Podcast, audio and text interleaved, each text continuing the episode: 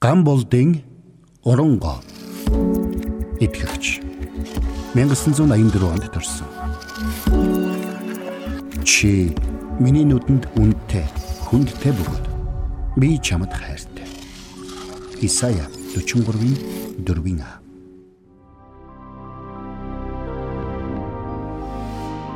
Чимээ үгүй харанхуй амьдралд Бурхан надад хайрын чимээ сонсгосон.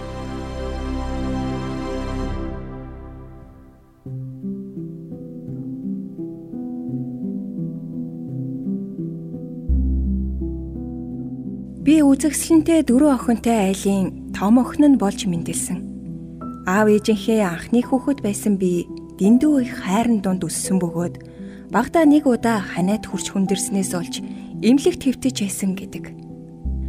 Харамсалтай нь 6хан сартай байсан надад эмчнэр тун хэтрүүлэн тарилга хийсний улмаас тэр хордлогын нөлөөгөөр би сонсоглоо ба багаар алдаж байгааг тухайн үед хинч мдээгүй байж Би өсөж төрнөх явцдаа жирийн сургуульд явж энгийн хүүхдүүдтэй суралцсан хэдий ч өөрийгөө бусдаас сонсоглоор дутуу гэдгээ мэдсэн үеэсээ эхлэн ягаад ч юм үргэлж өөрийгөө бусадтай харьцуулан голж хамгийн сул дорой мэтэр төсөөлөх болсон.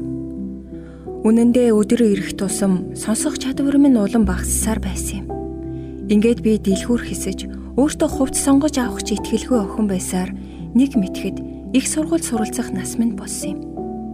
Бүх сургуулийг ерөнхий боловсролын сургуулиар төсөөлж урсгалаараа явж байсан намайг их сургууль гэдэг төсөөр ертөнц хүлээж авсанд би гүн хямралд орсон юм.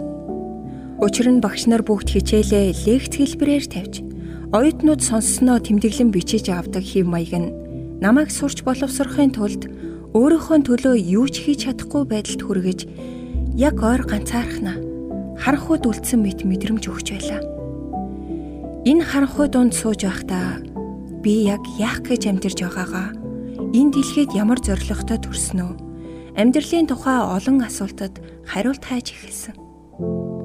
Тэр үед сургуулийн маань яг хажууханд шинэ амьдрал Христийн цуглаан байдаг байв. 2002 онд араараасаа цуурсан утгагүй удгартай өдрүүдийн нэгэнд нь зам дээр нэг эмэгтэй надтай таарч намайг тэр цуглаанд урьсан юм. Би нэг их дуртай байгаагүй ч найзтай болчих юм шиг мэдрэмж төрөөд яваад ортол хүмүүс хамтдаа дуулж харагдсан бөгөөд дууны үг дэлгэцний гарч явахыг унштал Бурхан намайг үнэхээр хайрлан цорын ганц хүүгээ өгсөн. Гисэн байхыг нь уншаад ягаад ч юм би өөрийн мэдээлгүй маш их уйлсан. Яг тэр үед Бурхан намайг хайрладаг гэдгийг уншаад харахад гэрэл асаж байгаа мэт зүрх сэтгэлд минь гэрэлгийгээ орж ирэв. Тэр үед надад их сургуульд найз байгаагүй. Цуглаанд ганц хоёр удаа яваад намайг яг байгаагаар минь хайрладаг олон найзтай болж улмаар Монгол Campus Crusade for Christ байгууллагаар дамжуулан Библийг хамтдаа уншиж судалдаг, нөхөрлөдөг маш олон найзтай болсон. Тэр үеэс эхлэн би өөрийгөө байгаагаар нь хүлээн авч хайрлан бас байгаадаа үнэхээр сэтгэл хангалуун болж үн цэнтэй хүн гэдгээ мэдсэн юм. Амьдрах зоригтой, мөрөөдөлтэй бас бүх зүйл утга учиртай болсон. Залбирах бүрдээ би яг байгаагаараа юу бодож, юуг мэдэрч байгаагаа Есүс Христтэй хуваалцаж олон зүйл түүнээс асуудаг боллоо. Тэгээд Бурхан биднийг бүтээж яг биднийг эцэг хүн шиг хайрладаг гэдгийг олж мэдээд аавдаа гомдож явснаа уучлах шийдвэр гаргасан юм.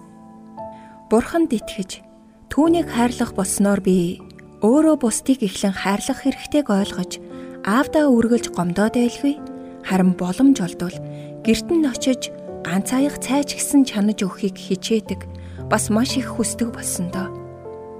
Миний өнөөх өөрөөсөө удаан асуусан амьдралын тухай асуултууд эрэл хайгуул минь яван явсаар Бурхныг баярлуулж баяр хөөртэй утга учиртай амьдрах хүслээр дүүрсэн бөгөөд энэ бүхэн амьдралын минь зориг болсон.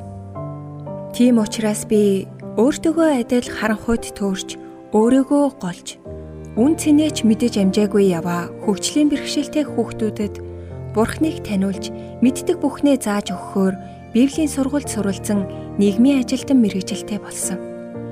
Дөрвөн жилийн өмнө сургуультаа суралцаж байхдаа намайг байгаагаас минь илүү урамшуулж, хүндэлж, хайрладаг.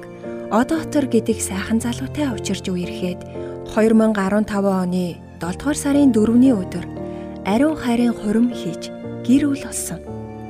Харин одоо Монгол Campus Crusade for Christ байгууллагын хөгжлийн бэрхшээлтэй хүүхдийн хэсгийг хариуцсан олон хүүхдэд итгэл найдвараа олгоход нь туслахаар ажиллаж байна. Хил ярианы бэрхшээлтэй ярьж чадахгүй хүүхэд сонсож чадахгүй надтай бүх зүйлээ хуваалцаж, урамшиж, Бурхныг таньж мэдэж байгааг харахтаа би бид Бурхны хайр дотор ярилцаж, ойлголцож байна да гэж боддог. Есүс Христэд амь амьдралаа зориулах шийдвэр гаргаснаас хойш амьдралд минь гарсан олон сайхан өөрчлөлтийг хараад хоёр баг дүү бас ээж минь мөн адил Есүс Христэд итгэсэн. Амьдралынхаа олон өдөр хоногийг үн цэнэ мэдэхгүй хинбэ гэдгээ юу хийх ёстойгоо ч ойлголгүй туулах нь надад харах үед гэрлийг хайх мэт хизүү бэрх бас маш гүн гүнзгий чимээ энергүй байсан. Харин би одоо гэрлийг олчихсон. Гэрэл дотор бурханд итгэн алхаж байгаа учраас чихэнд минь үргэлж намайг хайрлах уянгалаг дуу хоолой сонсогддог.